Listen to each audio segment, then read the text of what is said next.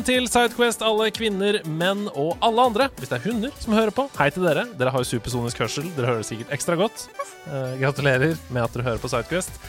Jeg eh, sitter her og skal prøve å snakke litt om spillglede, som vi prøver å gjøre hver fredag, sammen med nydelige Marianne Lerdal. Velkommen tilbake.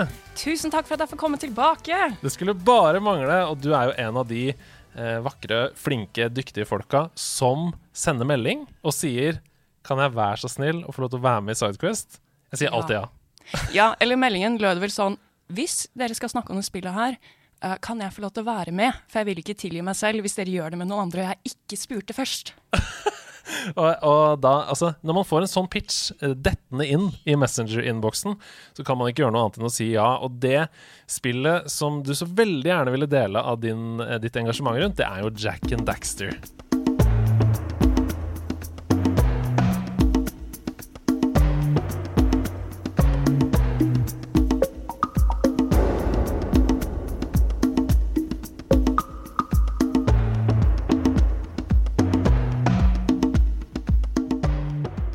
Ja For de som ikke kjenner deg fra før av, fordi de ikke har hørt på den fantastiske nederlandslagepisoden der hvor du var gjest Den som kom for to år siden Ja, cirka. år Ja. Eh, Hvem er du? Hva er det du driver med til vanlig? Jeg er Marianne Lerdal. Jeg er produsent i Snowcastle Games. Jippi.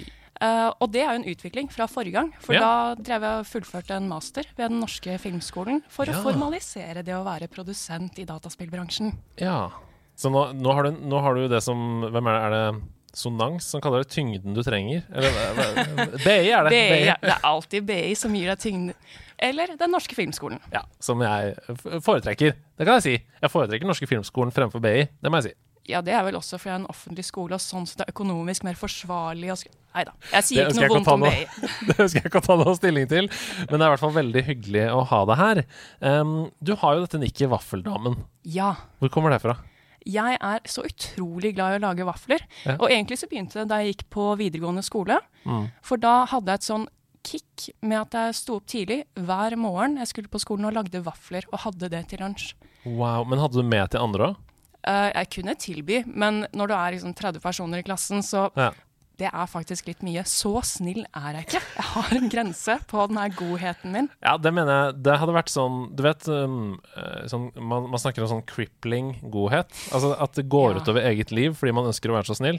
Hvis du hadde lagd vafler til 30 pluss hver dag, Mm. så tror jeg noen måtte tatt deg i hånda og sagt Marianne, du trenger ikke Og så hadde jeg brutt sammen, for endelig var det noen som sa det og ga meg tillatelse. Nei, jeg er ikke den personen. Kanskje i et alternativt univers så lager jeg vafler til alle. Ja. Men nå om dagen lager jeg mest vafler til meg selv Mm. og til familien min. Og min datter på to år er veldig glad i vafler og kaller det gafler. Tenk å få lov til å vokse opp i et hjem fullt av gafler og gaming. Mm. Det, må være, det må være en drøm. Um, men ja, Jack and Daxter. Um, hvorfor ville du snakke om det i nederlandslagets Sidequest?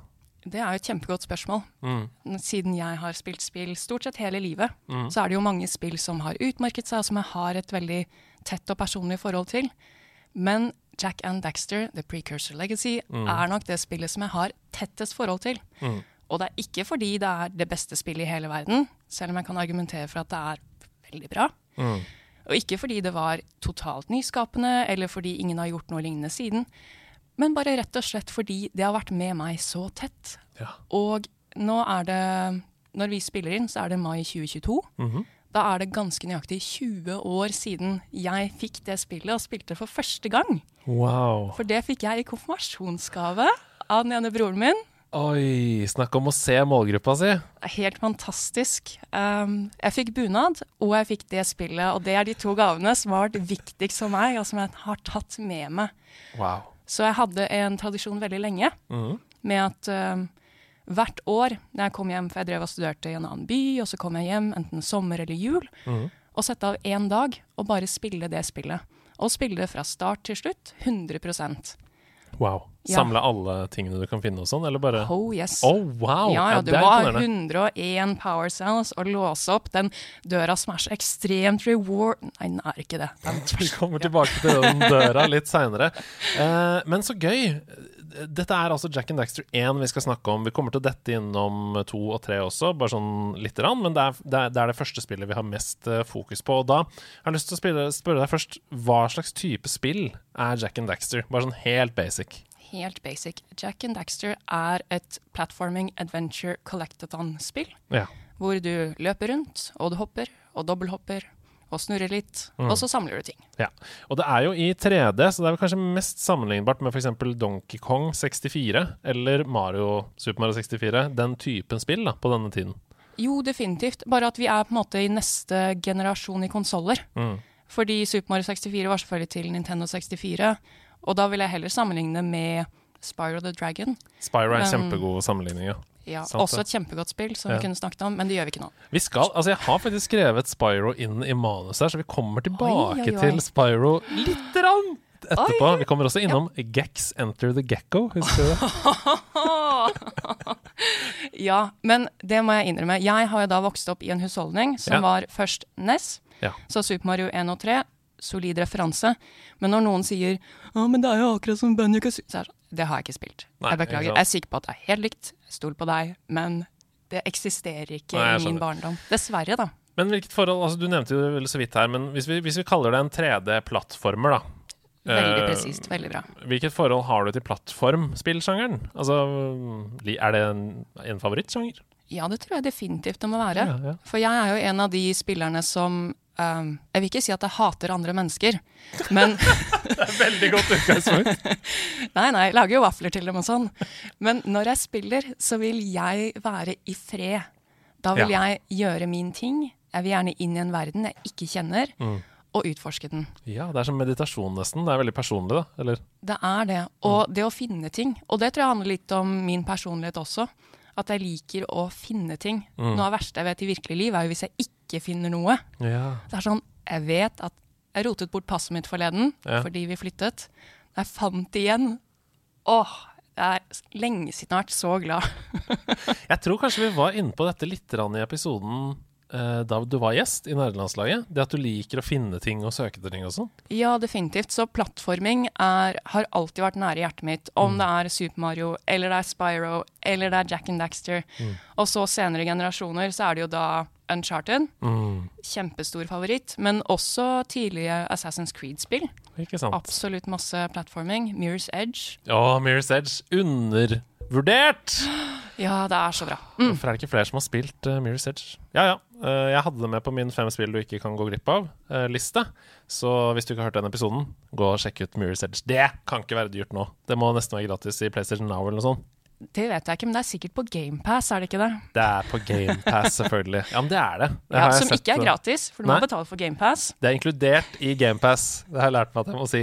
De første tre månedene for ti kroner. Eller det er. Dette er ikke sponset av Dette er på ingen som helst måte sponset. Vi eh, fremhever bare tilbud i spillindustrien som vi mener er gode tilbud.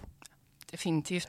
Det sier jeg uten å ha en Xbox. Ja, ja absolutt. Um, før vi går ned i materien på Jack and Daxter, så må vi få unna litt sånn core gameplay. Hvordan er det man spiller Jack and Daxter? Hva er det som er målet med, med å spille det?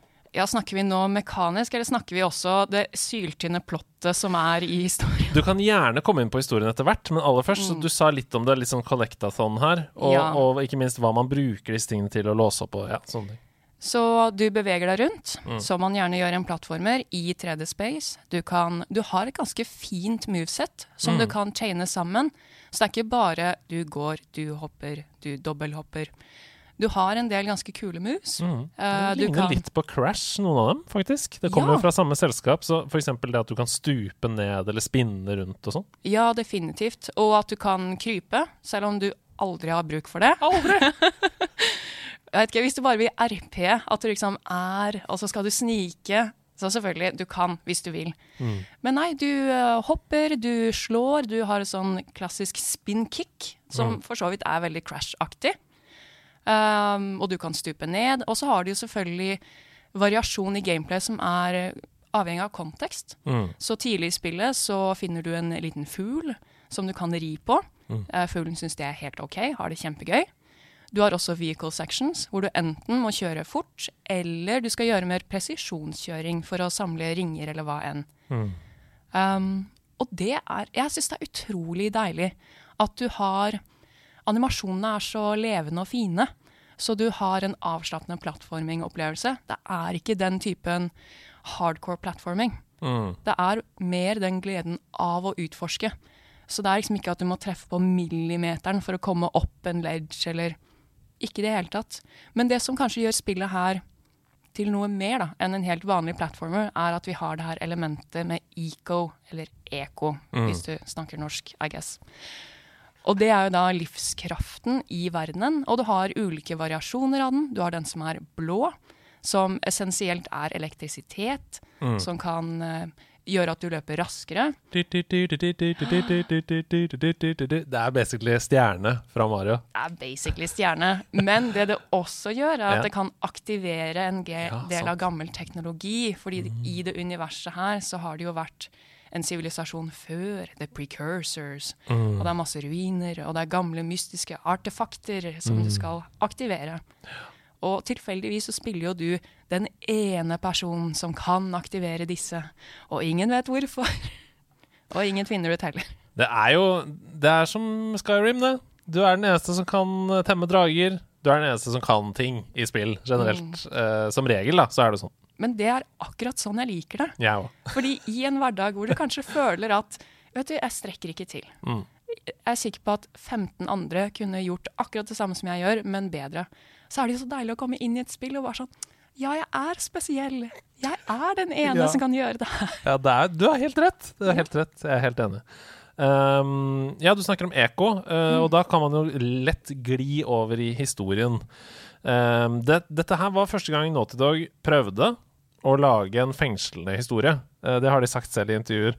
Uh, de har også sagt at lærdom de fikk fra Jack, sånn historiefortellingsmessig, ble direkte brukt i utviklingen av Uncharted mm. seinere. Uh, og anslaget her, fordi du spiller jo da to karakterer, Jack og Daxter. Og til å begynne med så er de to helt vanlige gutter. Men så kommer Ekon inn i bildet. Ja, for det begynner jo med at de to stikker av på natten i en båt til Misty Island, som er det ene stedet du ikke har lov til å gå. Og mens de utforsker der, så for det første snubler de over skurkene, men de vet ikke at det er skurkene, som har en ond plan. Og deretter så finner de ut at ikke bare kan Jack aktivere de her gamle artefaktene fra precursors, men dessverre, idet det skjer, så klarer han å skumpe sin helt vanlige venn Daxter ut i et beger Nei, det heter ikke beger. En slags gryte? Gryte er ordet jeg leter etter. Ja. Tusen takk. En gryte med det som heter dark eco. Mm. For eco kommer da i blå og grønn og gul og rød, og dark. Og den er selvfølgelig ond. Ja. Og det som skjer når du faller i en gryte med dark, ond eco, er at du blir forvandlet til en liten lodden rotte, eller otsel, som da er en krysning mellom en oter og en røyskatt. ja. Og Oter og Weasel. Uh, så Otzel det er altså veldig, veldig gøy. Men ja, og, da, og her begynner jo eventyret. Fordi man ønsker jo ikke å være en Otzel for resten av sitt liv. Nei, jeg har ikke prøvd det, men angiveligvis er det ikke så gøy. Nei, det er en nedgradering fra mennesket, tror jeg. Ja, i hvert fall mye dårligere altså, utsiktspunkt hvis du skal prøve å dra på konsert eller noe sånt. Veldig sant. Vanskelig å se scenen. Mm. Så gjennom spillet så sitter jo Daxter stort sett på skuldrene til Jack. Mm. Og eh, for det første ser hva som skjer, men også kan hjelpe deg da med clues med å si hva du burde gjøre, eller minne deg på ting. Så sånn sett så ser jeg helt klart det at de har brukt det videre inn i kommende spill også. Jeg føler at Naughty Dog har perfeksjonert den deg og kompisen din på tur-opplevelsen. Ja. ja, fordi plottet her handler jo da selvfølgelig om at det er ingen som har muligheten til å prøve å gjøre Daxter tilbake til mennesket, bortsett fra én sånn uh, ancient one. En sage. Ja, en sage, ja. Som er selvfølgelig langt unna. Han, lang, han bor ikke rett ved siden av. Du Nei. må gjennom alle de skumle, farlige områdene for at du kan bli forvandlet tilbake. Og det er litt deilig at plottet begynner der. Ja. At det begynner med Du skal bare hjelpe vennen din å bli normal igjen. Det er akkurat det. Det er veldig sånn nært. Og så, sier de selvfølgelig det, det eh, veldig um, lite konkrete stedet. Han er i nord. Han andre sagen. Så du må dra nordover da, for å komme deg dit. Men det er jo ganske greit skilta, så da finner du jo fram. Nord 60 mil Nei. Ja. Nei, så, så det er utgangspunktet for historien. Og underveis så skjønner man jo at det er noe greier som driver og pågår her. Det er noen bad guys. Definitivt, fordi du reiser jo fra det som er startområdet, og så er det jo på en måte en veldig klassisk oppbygning med at du har sages, du har den grønne sagen, som er på en måte din mentor eller hva enn. Og jeg liker for så vidt at han starter med å si at forvandlingen til en Otso er en forbedring, men OK, hvis du vil bli forvandlet tilbake, dra til nord. Og så kommer de til hans kollega som bor i neste byen, i Rock Village, men han er ikke der. Og hvor er han? Og tilfeldigvis er det masse skumle monster som er rundt omkring, som heter lurkers. Og det blir bare mer og mer av det. Så til slutt, når du kommer til den tredje sagen, så oppdager du at her er det virkelig noe galt på ferde. Mm. Og de skurkene avslører seg selv. Og et av de beste øyeblikkene, fordi det er jo mye humor i det spillet her, mye 100%. med Daxter, er jo når de gjør den koblingen at ja, OK, så den sagen som har spesialisert seg på dark eco, det er han som er slem. Mm. Åh, og det var han som kunne forvandle deg tilbake. Åh. Mm. Kjiperen. Daxter slår seg jo til ro med å være Otso etter hvert som man kommer utover i spillet. Og jeg vet ikke Altså, for når det kommer til slutten, så er han vel helt sånn Nei da, det går bra, det. Jeg trenger ikke å bli Ja, de finner jo på en måte i slutten av siste boss, så endelig finner de Light Eco, som bare har vært myteomspunnet fra før av, men som naturlig nok, hvis du kan basic fargelære, I guess, det er det som kan overvinne Dark Eco. Selvfølgelig. Så får du på en måte det øyeblikket hvor Daxter er sånn Save the world or stay fuzzy. Choices. Men det, det er fint, det. Uh, og det handler jo litt om, altså i veldig overført betydning, å akseptere seg sjøl uh, underveis i spillet. Uh, og man begynner å se fordeler med å være Otso osv. Ja, Så- definitivt. Men han slår seg jo egentlig ikke helt til ro, ro før i det tredje spillet, hvor han kan få én ting, én ting, og det han ønsker seg, er bukser. Men da, da har han slått seg til ro. Men er det ikke det vi alle søker etter i livet? Bare et, Bukser, ja. et ordentlig godt par med bukser. Tenk på det. Som aldri hadde blitt utslitt, og som aldri hadde blitt skittent, f.eks. Oh, Oi, oi, oi. Fantastisk. Ja. Da er det bare motedelen igjen. Kanskje du må skifte farge også, sånn litt tilfeldig innimellom. Det paret med bukser. Ja, Så det er magiske bukser? Eller Ja. er det sånn eh, hvis du har på vann, så får du en annen farge eller temperatur? Mood pants? Sånn som Nei. i Donald, når man fikk bare sånn liten eh, klump, og så putter man i vann, så ble det til et håndkle, f.eks. Ja, det er buksene. Det, bare, det ser ut som en liten dinosaur, men putt den i vann. Her er buksene Bukser. dine. OK, det er nydelig. Um, hva gjelder utseende og følelse på dette, så var utviklerens mål å slå sammen ulike kulturer. Og det ser man jo veldig eh, underveis i Jack 1. Eh, Jack, karakteren i seg selv, er jo en miks av vestlige tegneserier og østlig manga. Er, er, er de tenkt. Jeg husker at jeg følte at Jack var litt fremmed første gang jeg spilte det. Jeg var jo et barn og var vant til liksom Crash Bandicut og, og sånne ting, og Mario ikke minst, mens Jack var, noe sånn, var litt sånn fremmed. Ja, det som er litt interessant, er på en måte hvis du ser på de plattformingheltene fra forrige konsollgenerasjon. Vi har snakket om Crash Bandicoot, vi har snakket om Spyro, Mario. De har jo ikke på noen måte normale proporsjoner som mennesker. Fordi to av dem også ikke er mennesker. Ja. Så det var liksom litt revolusjonerende med PlayStation 2, følte jeg. da, At endelig så var det sånn Du kan få noe som er ganske humanoid, men det er fortsatt veldig cartoony. Og jeg husker at det var en av de store tingene når det kom med sånn Du, det spillet her, er som å spille en Pixar-film. Og det er bare nydelig animert, og det er masse farger, og det er jo Jeg ser helt klart at de har blandet forskjellige kulturer, som du sier, og at det da appellerer ganske bredt. Mm. Eh, nå, nå begynte vi å snakke litt om Jack. Eh, kan ikke vi bare snakke litt mer om de karakterene? Altså, hvem er de? Og da tenker jeg på hoved... Hvis du, hvis du velger deg ut liksom Jack and Daxter, og så noen andre hovedkarakterer som du, som du har forhold til, hvem er de? Og ikke minst, hvem er de for deg, da? Det kan vi si, det kan vi si etterpå. Men først og fremst, hva, hva er de? Hva er motivasjonen deres, og hvem er de, liksom? Ja, vi har jo Jack, som er hovedpersonen, som er den du først og fremst styrer. Og han er jo da en silent protagonist. Veldig originalt. Men det som jeg liker godt med han, er jo at de antyder at han kan snakke. Det er bare at hver gang han begynner å skal si noe, så blir han avbrutt av Daxter. Ja. For Daxter er jo den klassiske Jeg sier klassiske, men veldig tidstypiske sidekicken som er sånn dødsirriterende, men skal være morsom. Men han ville nok ikke blitt godkjent i dag, Nei. For han er jo eh, ganske sjåvinistisk. Veldig. Eh, og veldig eh, Skal sjekke opp alle de kvinnelige karakterene i spillet hele tiden. Ja, ja. Men, eh, men ja, det, det du sier er interessant, fordi eh, jeg spilte dette igjen i går. I forbindelse med denne episoden så spilte jeg de første timene av Jack and Daxter. Eh, for det første, for et bra spill. Det har holdt seg som bare det. Det kan vi snakke om senere. Okay, men men, men for det andre, i den første cutscenen så skal jo Jack til å si ting. Men Daxter avbryter han. Og Det er før han blir en Otzel. da Det er er menneske Og da husker jeg reagerte på det. Jeg husker jeg tenkte sånn Stemmer det? Han er en silent protagonist. Og det hadde jeg glemt. Så det kanskje sier litt om hvor uttrykksfull Jack er. da Du tenker at han Jeg, I mitt hode hadde han i hvert fall en stemme, helt tydelig, før jeg begynte å spille. ja, og han har jo på en måte efforts og grunts når du spiller, så du har jo sånn «Shadada». Sånn som Link. Ja! Veldig sånn link. Ja.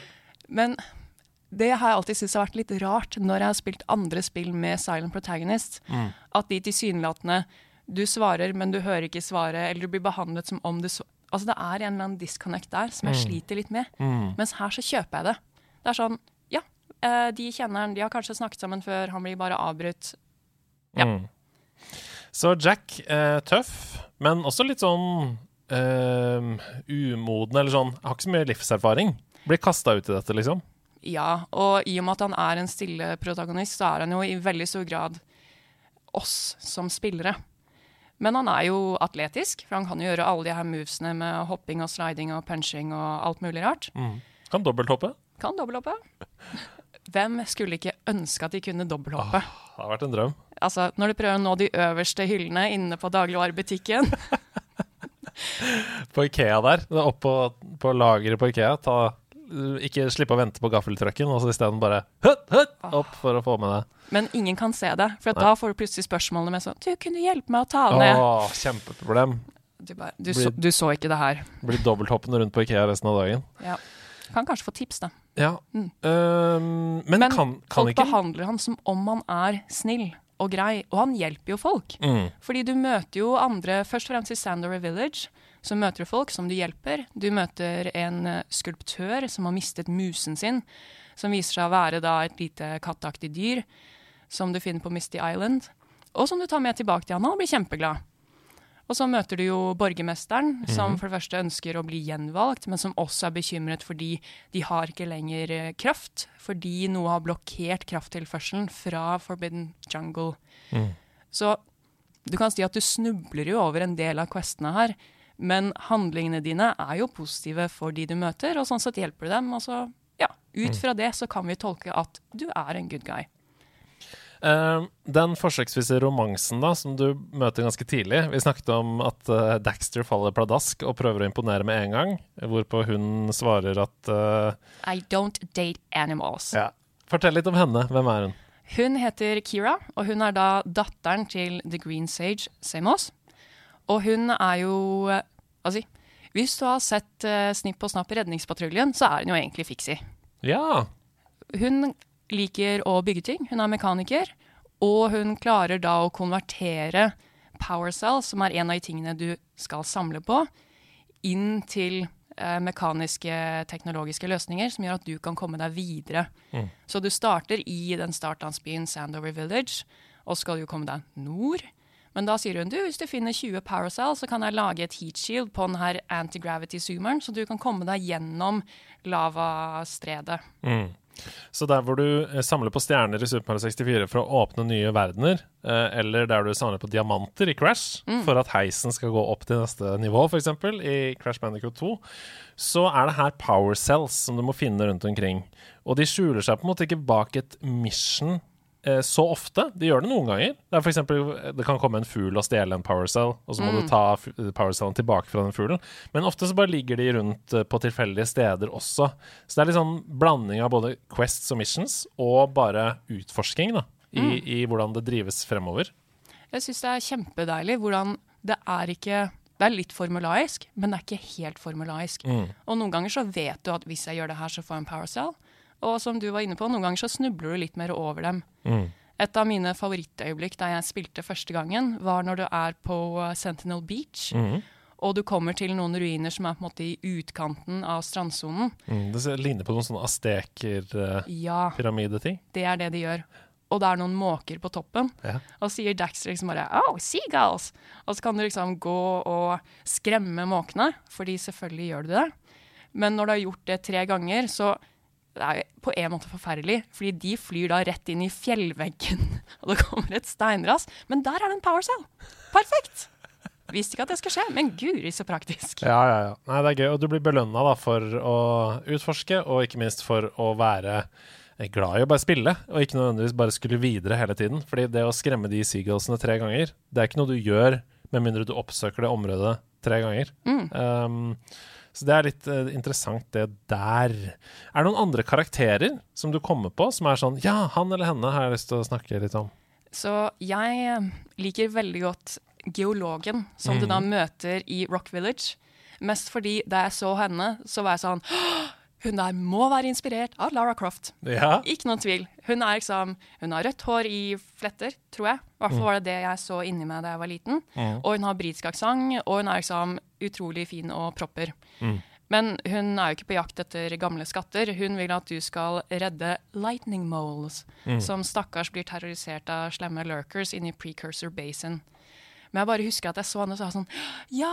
Å, det er en dame! Så fint! Mm. Var, det liksom et slags um, forbilde, eller var det noe du Fikk du lyst til å være henne, liksom? Ja, selvfølgelig. Eh, jeg liker veldig godt de kvinnelige karakterene i spillet. Jeg syns Kira er kjempetøff og bare elsker stemmen hennes. Ordentlig sånn hes stemme. Høres egentlig ut som hun er syk, stakkars. Men, og så er hun liksom så positiv og spunky og liksom finner ut av ting. De klarer seg sjæl. Mm. Ja, nei, da, i, I den filmen The Holiday så møter jo Kira Knightley er det, Nei, hvem er det som Nei, vi snakker om uh, Kate Winslet. Kate Winslet. Hun møter uh, denne manusforfatteren eh, fra Ja, Arthur. Arthur fra gamle dager, som sier at han liker kvinnelige karakterer med gumption. Ja, gumption. Ja, han skriver karakterer med gumption, og det er det du snakker om der. Uh, den derre Ja, som du sier, bein i nesa, klarer seg sjøl, som er en veldig god egenskap da, i spill, og gode forbilder. Ja, definitivt. Det er derfor jeg alltid også har likt Lara Croft. Ja, selvfølgelig. OK. eh, Det originale konsept, konseptet for Jack and Daxter 1 eh, var 'bigger than crash', har de uttalt. Eh, husker du hva du tenkte første gang du spilte det? Hadde du spilt noe som ligna før da, eller var det noe helt nytt? Nei, jeg hadde jo spilt plattformspillene fra forrige generasjon, men for meg så var det her mind-blowing. Fordi det var plattforming i 3D som var på en måte mye smoothere enn før. Men det var bare at det her føltes som én hel verden. Og en ting var jo da at du ikke hadde loadetider, så du bare går fra et sted til et annet. Du kan se hvor du skal, og så går du dit. Fantastisk. Men også at du hadde day-night cycle. Det hadde jeg aldri opplevd før.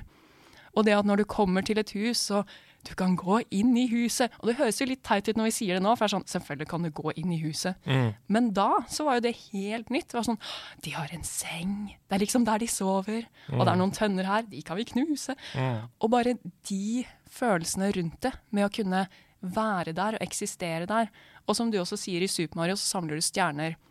Men det er på en måte litt arbitrært, da. Beklager, Super Mario er fint, bla, bla, bla. Men her det at ja, det er precursor orbs. De har en funksjon gameplay-messig med at det er breadcrumbing og liksom hjelper deg med å finne ut av hvor du skal, og du samler dem for å kjøpe ting.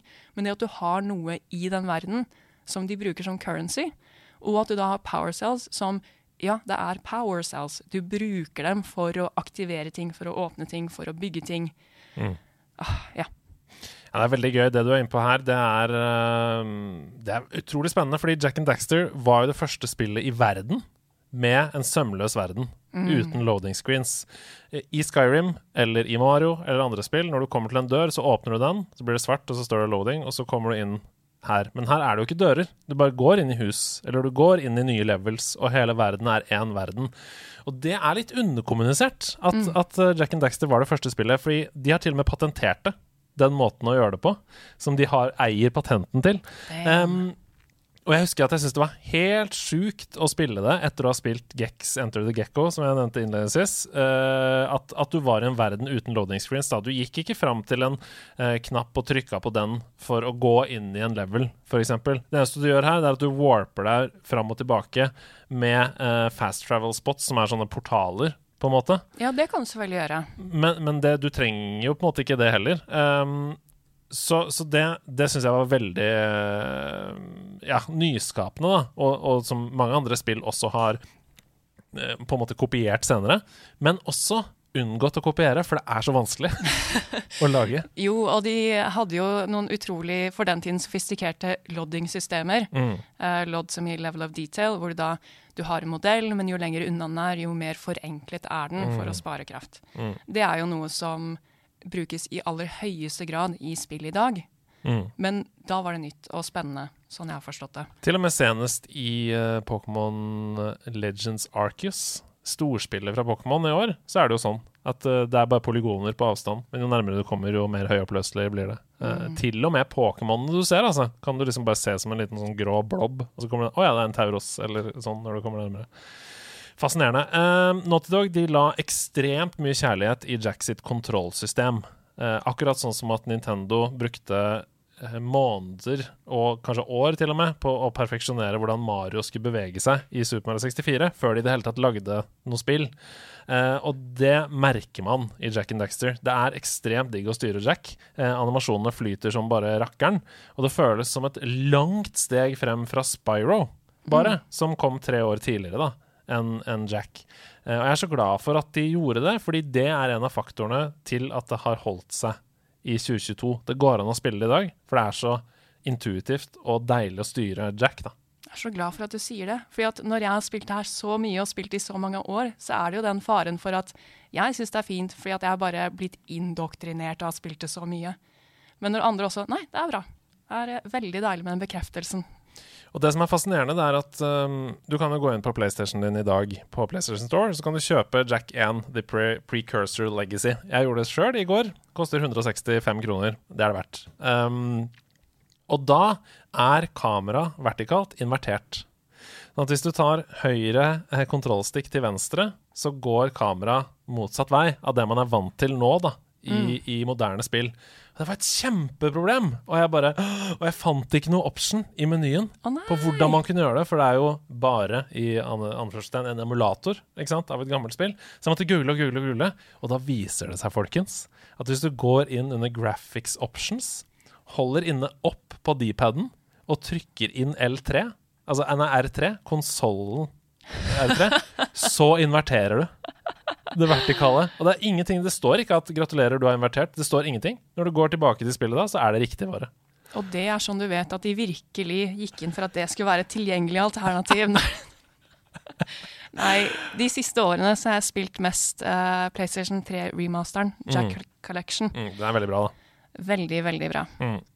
Jeg har den på PlayStation 3 også, men uh, den funker ikke faktisk på PlayStation 5 og, og sånn. Så Det vet jeg ikke noe om, jeg har ikke en PlayStation 5. Nei, så da, så da må man spille PS4-versjonen, da, som jo også er en emulator. Men uh, nok om det. Uh, kontrollsystemet er veldig bra. Det var det jeg skulle egentlig fokusere på. Ja, og for den tiden. Og ikke mm. minst, det som var det store med PlayStation 2 for meg, var at du hadde um, karakterer som var passe detaljerte også i gameplay. De hadde fingre som kunne bevege seg, osv.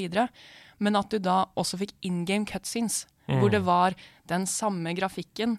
I stedet for at du enten hadde sånn som i Spyro, en ja, du vet det er en drage, og cutscene, ja, du vet det er en drage, men det er ikke store detaljer på det, og han er ikke så ekspressiv. Eller så hadde du cutscenes som var pre-rendered, hvor du måte så den totale kvalitetsforskjellen. Sånn klassisk Final Fantasy-type ting. Ikke at jeg disser Final Fantasy, men her det at det føltes som Nei, nei, det er spillet, og så er det cutscene. Alt er bare én samlet greie. Jeg føler at det bidro til å føle at det var en sømløs opplevelse, og at du var immersed i den verden. Ja, det er veldig mye lettere å leve seg inn, uh, som du sier. Ok, Det er tre bosser i Jack and Daxter. Det er Dark Echo Plant, det er Claw, og det er Golan Maya. Eh, kan du beskrive de fightene litt? Og I hvert fall hvis det er noe du husker fra dem. da eh, Og ikke minst fortell litt om hvorfor en av dem er din favoritt. Oh. Så Dark Ecoplant finner du i The Forbidden Jungle. Det er eh, tilknyttet det første området. Og det er egentlig litt tilfeldig at du snubler over det. Fordi for å komme til Dark Ecoplant, så må du gå gjennom jungelen, komme til den precursor-bygningen, tårnet i midten. Klare å klatre opp til toppen, for så å få en heis helt ned inn til kjernen. Og der finner du planten. Uh, og den er på en måte en ganske klassisk boss fra den tiden. Med liksom, Den sender ut noen små enemies, du overvinner dem, og så kan du klatre opp noen blader, og så klaske til den, og så må du gjøre det tre ganger. Det som er kult med den bossen, er at etter at du har overvunnet den, hvis du hopper på hodet, så får du orbs. Og som et barn eller ungdom, å oppdage det, det er, så, det er den typen detaljer som gjør at du får enda mer lyst til å utforske. For den bare belønner deg. Ikke at det er liksom kult å hoppe på hodene til sine overvunne fiender, men i spill kjempegøy her. Og dette er så gøy, for det er sånn hemmelighet som, ja, som du sier, belønner de som er mest eh, utforskende. da. Jeg så en, I forbindelse med researchen i denne episoden så så jeg en sånn YouTube-video som var sånn Why are Jack and Daxter the best series ever? Og da, og da var det en som hadde 100 av i moderne tid, eh, Jack 1, og sa at det var helt sykt frustrerende å gå gjennom hele den banen og nilete etter de siste fire orbsene vedkommende ikke fant, før han skjønte at han måtte hoppe på hodet til bossen etter at den var død. Og jeg har vært i den situasjonen også, selv på liksom, de senere årene når jeg har hatt playthroughs. Spilte 80 ganger før, og du går liksom gjennom en level, og så kommer til slutten av vet sånn OK, det her er den siste orben. Hvorfor mangler jeg to? Hvorfor mangler jeg Og den frustrasjonen. Men så må du bare sånn OK, men vi går og leter. Og så kanskje den er inni da den Dark Eco Plant. Hva med Claw, da? Ja, Claw møter du etter Rock Village når du skal prøve å komme videre til Mountain Pass. Og han er på en måte den som står i veien. Han er en stor lurker. Han er svær, stort som et hus, og svømmer i lava. Og kaster store steiner på det. Så her har du eh, Kameraet på en måte trekker seg litt opp, og så ser du ned på det som blir en arena med steinplater som flyter oppå lavaen, og så må du hoppe unna når han kaster steiner, og så må du bruke gul eco for å skyte på han. Så det er en fin introduksjon til den nye kraften der. En slags rocket launcher-aktig føles det som, da, når du skyter denne gule Ja, det er også litt som å ha blomsten i Mario. Ja! Hvis, eh, Ildblomst, ja. ja. Ildblomst, klassisk. Men der vil jeg gi litt kritikk til spillet, med sånn moderne spill-nerdbriller på.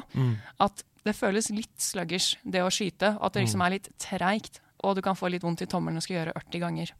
Det føles også litt rart at en som bader i lava, er, er svak mot noe som ligner på ild, som skytes mot vedkommende. Mm, du har jo et poeng her. Men han er jo opptatt med å ta den steinen på hodet. ikke sant? Så det er ikke det at han egentlig tar skade av å få de ildkulene. Det er jo fordi han mister steinen i hodet på seg selv. Nå er, nå er du veldig god. Ja, takk. Vel, jeg har spilt det her masse. OK, Golden Maya, da, til slutt. Ja, de skal du bekjempe når du står oppå en gigantisk silo med Dark Eco, som de prøver å åpne for å da dekke hele verden i Dark Eco. Bam, bam, bam. Og de har funnet en gammel, svær robot som de da flyr rundt med. Og da har de Igjen, det er litt sånn Vi bygger videre på Crash Bandicoot. Det har noen attacks som er eh, area of effect. Med liksom, å, her kom en ting, og den eksploderer, og hopp over de ringene. Og så er det noen mindre fiender som følger etter. Så det er på en måte en blanding av tidligere bosser. Men her også skal du da overleve på toppen av siloen når du løper rundt, og så klare å skyte på dem med gul eco. Og egentlig bare overleve helt til den hvite ecoen kommer. Jeg syns det er en eh, helt kurant siste boss. Mm. Det føles jo episk at du står der og du har den eh, utsikten over hele verden, og du har en flyvende robot. Hvem liker ikke det? Men jeg skal innrømme at det er en del ganger hvor jeg har vært på den bossen hvor jeg dør, og det er litt med checkpointing at du da må ta hele på nytt. Det er slitsomt. Ja, altså, jeg har lite tid til å spille, og plutselig så er det sånn Å nei, alt igjen. Ja ja, men jeg liker å spille veldig godt, da. Det var heldig. Men det er et vanskelig spill. Altså, jeg uh, det, er, det er ikke like vanskelig som Crash Bandicut, åpenbart, fordi det er det vanskeligste spillet som fins i verden. Crash Definitivt. Men, um, men jeg døde i går på Sentinel Beach, er det ikke det det heter? Eller, da jeg skulle prøve på et av um, missionsene der ute. Uh, og jeg døde et par ganger, liksom. Eh, så det er ikke sånn at det er kjempelett. Du sklir ikke gjennom. Eh, Nei. Og det som er veldig kult, tilbake til liksom i spillhistorien Mm. Fordi For meg var det her det første spillet hvor du ikke hadde begrenset antall liv. Mm. Og hvis du døde, så var det ikke sånn du har tre liv igjen, så er det game over. Det var liksom prøv igjen. Mm. Prøv igjen. Prøv Men du igjen. har liksom tre hits da Ja, det eh, har hver, du. hver gang før du dør. Men du har, som du sier, det er veldig digg at du slipper å tenke på å finne ekstraliv rundt omkring. For hvis det eh, får game over, så låses masse baner, eksempel. Sånn som i Super Mario 3. Ja, Uh, ja. Nei, det er slitsomt. OK, um, la oss snakke litt om Nei, du fikk ikke lov til å si hva som var din favorittboss av de tre. Oi, det er et kjempegodt spørsmål. Jeg tror kanskje at det er Dark Ecoplant. Ja, Fordi jeg syns det var så kult i forhold til en interconnected verden, at Mm. når du har overvunnet den bossen, så innser du at den hadde sine tentakler inn i alle green eco-vents. Så når du har overvunnet den, så kan du gå tilbake til Sentinel Beach, Mm. og plutselig så er det mulighet for å få tak i ting der. Det er så gøy at ting forandrer seg sånn etterpå. Det er Mm. ja, beste, et, en av de beste tingene med spillmedie. At uh, verden kan utvikle seg da, Mm. i, i større grad enn hvis man er passiv uh, i en underholdningssammenheng. OK, Uh, vi må snakke litt om det grafiske, for det har jo holdt seg sjokkerende bra. Uh, og det er veldig mange spill fra denne æraen, PS2-æraen, som ikke har det holdt seg bra i det hele tatt. Men av en eller annen grunn så sitter Jack 1 fortsatt. Uh, det er fargerikt, det er variert, og det er en uh, på en måte tegneseriestil som er litt tidløs. Ja, den oppleves sånn. Og de har jo vært veldig flinke til å bruke animasjonsprinsipper med liksom squash and stretch og anticipation osv. for å skape noe som er ekstremt levende. Mm. Men jeg syns også at de har vært gode når du ser på omgivelsene til å lage de akkurat detaljert nok. Mm. Så det å finne den balansen med graphical fidelity For jeg føler at på den tiden så var det en del spill som prøvde å skulle være mer realistiske, i gåseøyne. Mm. Men sånn, du skal ha mennesker, og det skal være biler. Men når du ser det i dag, så er det sånn jo jo, men den bilen er bare fem polygoner, eller litt der, da. Mm. Så jo hardere man har prøvd å lage noe realistisk, jo verre blir det å se det i dag. Jeg leste en anmeldelse av eh, Det var et Batman-spill som kom i 2006. Som Ja. da var etter at The Dark Knight kom ut. Uh, nei, unnskyld, Batman Begins. Ja. I den anmeldelsen står det sånn Batman har aldri sett bedre ut, og kappen hans flagrer. Og det var liksom så stort. Men jeg husker jo det. At Ja. liksom, hver gang det kom noe nytt, mer sånn grafikk, så ble det sånn wow. Ja, ja.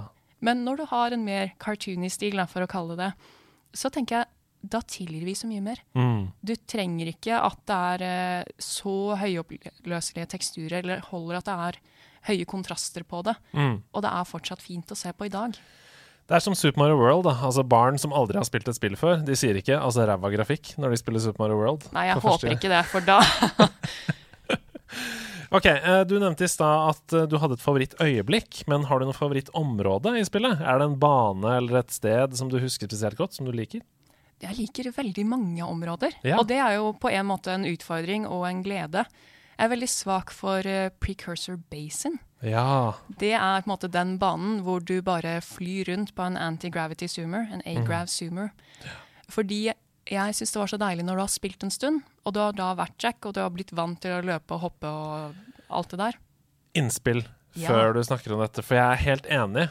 Og det er eh, Jack kan jo ikke løpe. Du kan bare gå, og så noen ganger hvis det er nedoverbakke, så løper han fortere, liksom. For Ja, det er en sånn mellomting. Ja, Han du kan ikke spurte. Nei, for du kan ikke trykke inn eh, venstre kontrollstikke, og så begynner han å løpe, f.eks. Det savner jeg. Jo, men det jeg gjør, og det syns jeg er veldig gøy, Ja. det er da å hele tiden når du skal framover, å rullehoppe. ja! Ja, det er et godt poeng. Det er, eh, det er for heller sånn advanced tactic, Ja, hvis du har ja, spilt en del. Men selvfølgelig hvis du da knoter det til med retning eller kamera, så plutselig hopper du av en kant. Mm. Veldig greit å ikke ha begrensa antall liv. Veldig greit. Men det var derfor jeg- kom på det, fordi jeg hadde den samme følelsen, nemlig. At da jeg endelig fikk eh, kjøre sånn mm. Zoomer. Zoomer, liksom, så var det veldig befriende. Mm. Tror, for det har vel kommet et racingspill i denne Jack X? Ja, det kom etter Jack 3. Ja. Vi skal ikke snakke om det. Men, men uh, uh, ja, det var, jeg bare følte at det funka bra i Ja. Jack. Og jeg syns de kontrollene er kjempegode. Mm. Men da jeg fikk det spillet Jeg hadde stort sett bare spilt plattformspill. Og det å da skulle ha en vehicle section, det var utfordrende. Ja, det kan jeg se for meg. Ja, fordi vi var tre barn i familien. Unnskyld, vi er fortsatt tre barn, men Ja. nå er vi voksne. Ja. Og eldstemann var innmari god på racing. Mm. Nummer to, han er smart, og jeg spilte plattformspill. så det var liksom den Skal jeg spørre eldstebroren min om han kan hjelpe meg med vehicle sections? For nå er jeg nødt til å kjøre rundt på den her, jeg må treffe de ringene før tiden går ut, sånn at jeg kan få en power cell.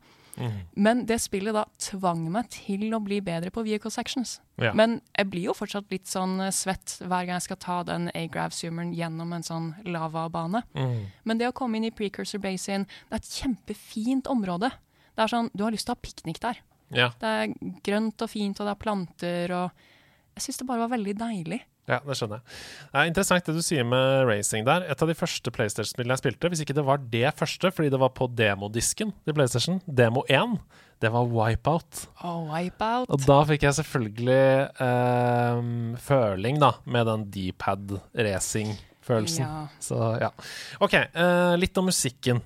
Mm. Fordi Jack er et av de første spillene jeg kan huske der hvor musikken forandra seg ut fra hvor du var i levelen. Eh, at det er et dynamisk soundtrack da, som legger til å ta vekk elementer, sånn som Inside eller Portal, for Mm. eksempel, da, er av moderne spill. Og generelt så hører man også inspirasjon fra Crash Bandicut her innimellom. Ja, ja, det er de trommene. Ja. Eh, har du, har, vil du snakke litt om musikken? Er det noe du liksom husker av den? Ja, men det er også kjempeinteressant. Er det noe du husker? Fordi inni hodet mitt så kan jeg høre de melodiene, og de syns jeg er kjempefine. Mm. Men det er ikke sånn du nynner. Det er ikke sånn 'Å, det er den melodien fra The Theme med Lost Precursor City'. Ja, ja. Eller den du, du, du, fra Monkey Island. Alle husker det, liksom. Men det er ikke sånn i Jack. Det er Nei. mer miljøer. Det er akkurat det. Liksom. Så det er liksom for å igjen da, immerse deg i den verden. Og så kan du si at i den virkelige verden så er det ikke musikk som følger deg, men det er en sånn mellomting. Mm. Fordi det er melodisk, men det er ikke supermelodisk med catchy tunes. Mm. Det er ganske, jeg, jeg kan se for meg at det er ganske god jobbemusikk. Altså Som Mm. du bare har på i bakgrunnen mens du jobber. For det er ikke sånn, Bortsett fra kanskje bosser og sånn, da, men det er ikke sånn veldig dramatiske peaks her og der og sånn. Det er en utvikling i soundtracket, eh, og så er det behagelig. Mm. det, det er et Ja, det bygger under spillet. Definitivt. Mm. Men her må vi jo nevne, hver gang du plukker opp en power cell, hva skjer da? Oh, fortell. Når du plukker opp en power cell som du skulle tro at det her er et kjempeviktig øyeblikk, det skjer kanskje fem ganger i spillet, men husk det her skjer 101 ganger hvis du completer det helt, da tar Jack og Daxter og danser. Og de har en variasjon på er det syv forskjellige sekvenser hvor du får en stinger i musikken, som er en ba, ba, og så danser de. Og det er kjempegøy å se på. Mm. Det kan være at de hopper, gjør noe som ligner på en luftgitar, Daxter stapper powercellen opp i sekken din. Mm. Det er, veldig, det er veldig gøy. Og hver gang da så kommer det opp sånn load, saving, saving. Nå saver det til memory card, ikke skru av. Selv om du spiller det på PlayStation 5. Det er en del av estetikken. Jeg elsker det. Det er veldig gøy. Uh, ja, det er koselig. Vi må snakke litt om den polariserende, mørke oppfølgeren. Fordi Ja. der er publikum veldig splitta i hva de syns. Noen elsker det, eh, og andre sier 'ikke rør det med ildtang'. Oi, jeg har ikke hørt så sterke innvendinger mot det. Nei. Så jeg ble jo helt bitt av Jack and Daxter-basillen, og Mm. spilte selvfølgelig toeren og treeren. Og det er jo sjeldent at man får en oppfølger som er så dramatisk forskjellig fra det første spillet. Mm. Eh, nærmeste jeg kan komme på, er liksom Prince of Persia. Hvor det da kom med Warrior Within, som da hadde heavy metal-musikk. Og Men det her var jo tidlig 2000-tallet. Vi skulle være mørke og emo og edgy, og spill var ikke bare for barn. Så Jack 2 har da helt tydelig inspirasjon fra GTA. Ja, ja. Fordi der du tidligere har vært i en veldig frodig og grønn og jeg har lyst til å si på en måte primitiv verden, i gåseøyne, så blir du transportert inn i en dystopisk by. Og plutselig så handler spillet om Det er ikke lenger en, en lineær level-basert struktur. Det er da en sandbox. Hvor du har den byen, den er delt inn i ulike regioner, du har folk du snakker med for å få mission som skjer i den byen. Og det som da er litt fint, i og med at vehicles og A-Graph Zoomer var deilig å kontrollere, det er jo trafikk. Og du har mange forskjellige vehicles som du da bare kan stjele. Mm. Så vi snakket litt om hvem Jack er. Han er, han er en snill og hyggelig fyr, og han hjelper folk med hva enn. Her så kan du jo slå ned tilfeldige mennesker på gata, og så dør de. Det er jo helt vilt. Det er veldig, veldig spes. Ja. Uh, og, og det er jo en enorm endring. En annen ganske stor endring er jo Daxters rolle. Fordi i det første spillet så er han helt uh, passiv. Eh, gjør ingenting. Sier til deg da hva, hva du gjør og sånn, og danser når du får power cell. Oh yeah. Men eh, i de to andre spillene så kan jo han eh, spilles med. Kan han det? Jeg husker fall, ikke. i, hvert fall i det tredje spillet. Uh, han fikk jo egenskaper, da. Sånn Mm. som for eksempel uh, Clank. I Ja. Ratchet Clank. Mm. Altså i, i små deler av spillene, liksom. Um, Og igjen så er det jo veldig deilig hvordan man tar eh, et spill som har på en måte sine mekanikker, men så introduserer du variasjon. Mm. For det er ikke det at det du gjør skal være så perfekt at du aldri kan gjøre noe annet. Jeg tror det er veldig deilig å få noen avbrekk. mm, Om ikke annet så fordi du da kan sette ekstra pris på å komme tilbake til Jack etterpå. mm. OK, uh, helt til slutt så pleier vi å spørre sånn Hva er det som gjør Jack and Daxter så magisk for deg? Så det skal vi spørre om, men først så vil jeg si Er det noe du savner å ha snakka om? Er det noe du har lyst til å legge til som vi ikke har kommet inn på her nå? Um, hmm, det er jo veldig, veldig mye å si. Ja, Uh, la, la, la, la. Jo, fisken. Du, Ja. Vi må snakke om fisken. kom igjen. Fordi gjennom spillet så møter du masse fiender, og du har de bossene, og vi har snakket om Dark Eco Plant, men den virkelige, ikke boss da, for du kan ikke overvinne den, det er jo fisken. Jeg husker ikke fisken. Hva er dette for noe? Ok, så du starter jo i landsbyen. Oppgitt. Ok, det går bra. Du har bare spilt i noen timer. Ja, jeg spilte da jeg var barn, men jeg har ikke spilt i noe, eh, noe mer etter det. Men jeg skal fullføre denne gangen. Jeg lover. Men det er ikke sikkert at du møtte fisken. Nei, det kan hende. Fordi jeg møtte fisken ved en tilfeldighet. Okay. Fordi du kan svømme. Ja, I ja, spillet. Ja. Og du, Du kan, kan- dykke etter orbs. Yes, igjen exploration, rewarding, supertilfredsstillende. Bare, det er noe under vannet. Kan jeg dykke? Ja, jeg kan dykke. Mm. Men hvis du beveger deg bort fra grunna, der det er dypt vann, og du svømmer der, så plutselig så hører du en hjerterytme som går fortere og fortere. Dun, dun, dun. Og det kommer en stor fisk og spiser deg i én jafs. What?! Yes! Det kan jeg ikke huske at har skjedd. Kanskje jeg ikke har turt å dra ut på Jeg var veldig feig som barn. Veldig pysete. Turte ikke spille noe som var skummelt. Turte ikke se på noe som var skummelt. Kanskje jeg ikke turte å dra på dypet. Ja, jeg er også en veldig pysete person som ikke liker skumle ting, men jeg gjorde da den tabben med å dra ut på dypet, og da kom fisken. Ja. Og jeg skvatt som et helvete, Ja, Det kan jeg se for meg. for den er kjempeskummel. Men fikk du mareritt og sånn av det, eller? Du, det har jeg sikkert fått, fordi til den dag i dag så er jeg ganske redd for å svømme i vann der jeg ikke ser, eh, ser bunnen. Wow. OK. eh, Noe annet du har lyst til å slenge til, annet enn fisken? Eh, jeg ville aldri fått spilt det spillet her hvis det ikke var for min bror, men også for min far. Jeg må ha en shout-out til min far, fordi det her igjen var PlayStation 2. Ja. Jeg vet ikke om du husker Disk Train på PlayStation 2? Jo da. Så det første jeg gjorde når jeg skulle spille det spillet, var å legge disken i skeivt. Train lukka seg. Gigantisk gripe. Oi. Vil ikke starte. Oi, oi. Ja, og kan forestille deg meg i min eh, 14 år gamle fortvilelse. Det er konf-gaven din. Ja, jeg har ødelagt kanskje den viktigste tingen jeg eier i hele mitt liv. Løftet om det perfekte spillet, i hvert fall den største spillopplevelsen til da. Men min far, til unnsetning, han bare putt spillet i coveret. Og så dro vi på Ram og Rom, som var den beste spillbutikken i Trondheim. Shout-out til alle som husker Ram og Rom. Og han, cool as a cucumber, jeg husker jeg bare så på han. Og Han la spillet på disken og sa det her funker ikke. Og jeg så for meg at det skulle være sånn, vi måtte ha en stor forsvarstale og liksom forklare hvorfor det ikke virket. det. Han skulle anklage meg for å ha ødelagt disken. Det skjedde ikke i det hele tatt. Det var litt antiklimaktisk, rett og slett. Han bare Ja ja, her har du en ny. Ha det bra. Jeg bare Ja! Å, så bra. Nei, det er veldig koselig. Men da skal du få spørsmålet. Hva er det som gjør Jack and Daxter så magisk for deg? Hva er det som gjør at du eh, anbefaler folk å spille det nå? Um, og jeg anbefaler også, så jeg begynte å spille det i går og kommer til å fullføre det, som sagt. Men for deg? For meg så er det et kjempefint eksempel på et avslappende plattformingsspill. Selvfølgelig det har noen vanskelige sections, men de kan jo stort sett hoppe over hvis du vil. I en verden som du bare kan fordype deg i. Fordi Super Mario er veldig gøy. Jeg skal ikke nekte for det. Men der er alle levelene så delt opp, og det er sånn Her er lava-levelen, her er eh, ørken-levelen, her er bla-di-bla-levelen.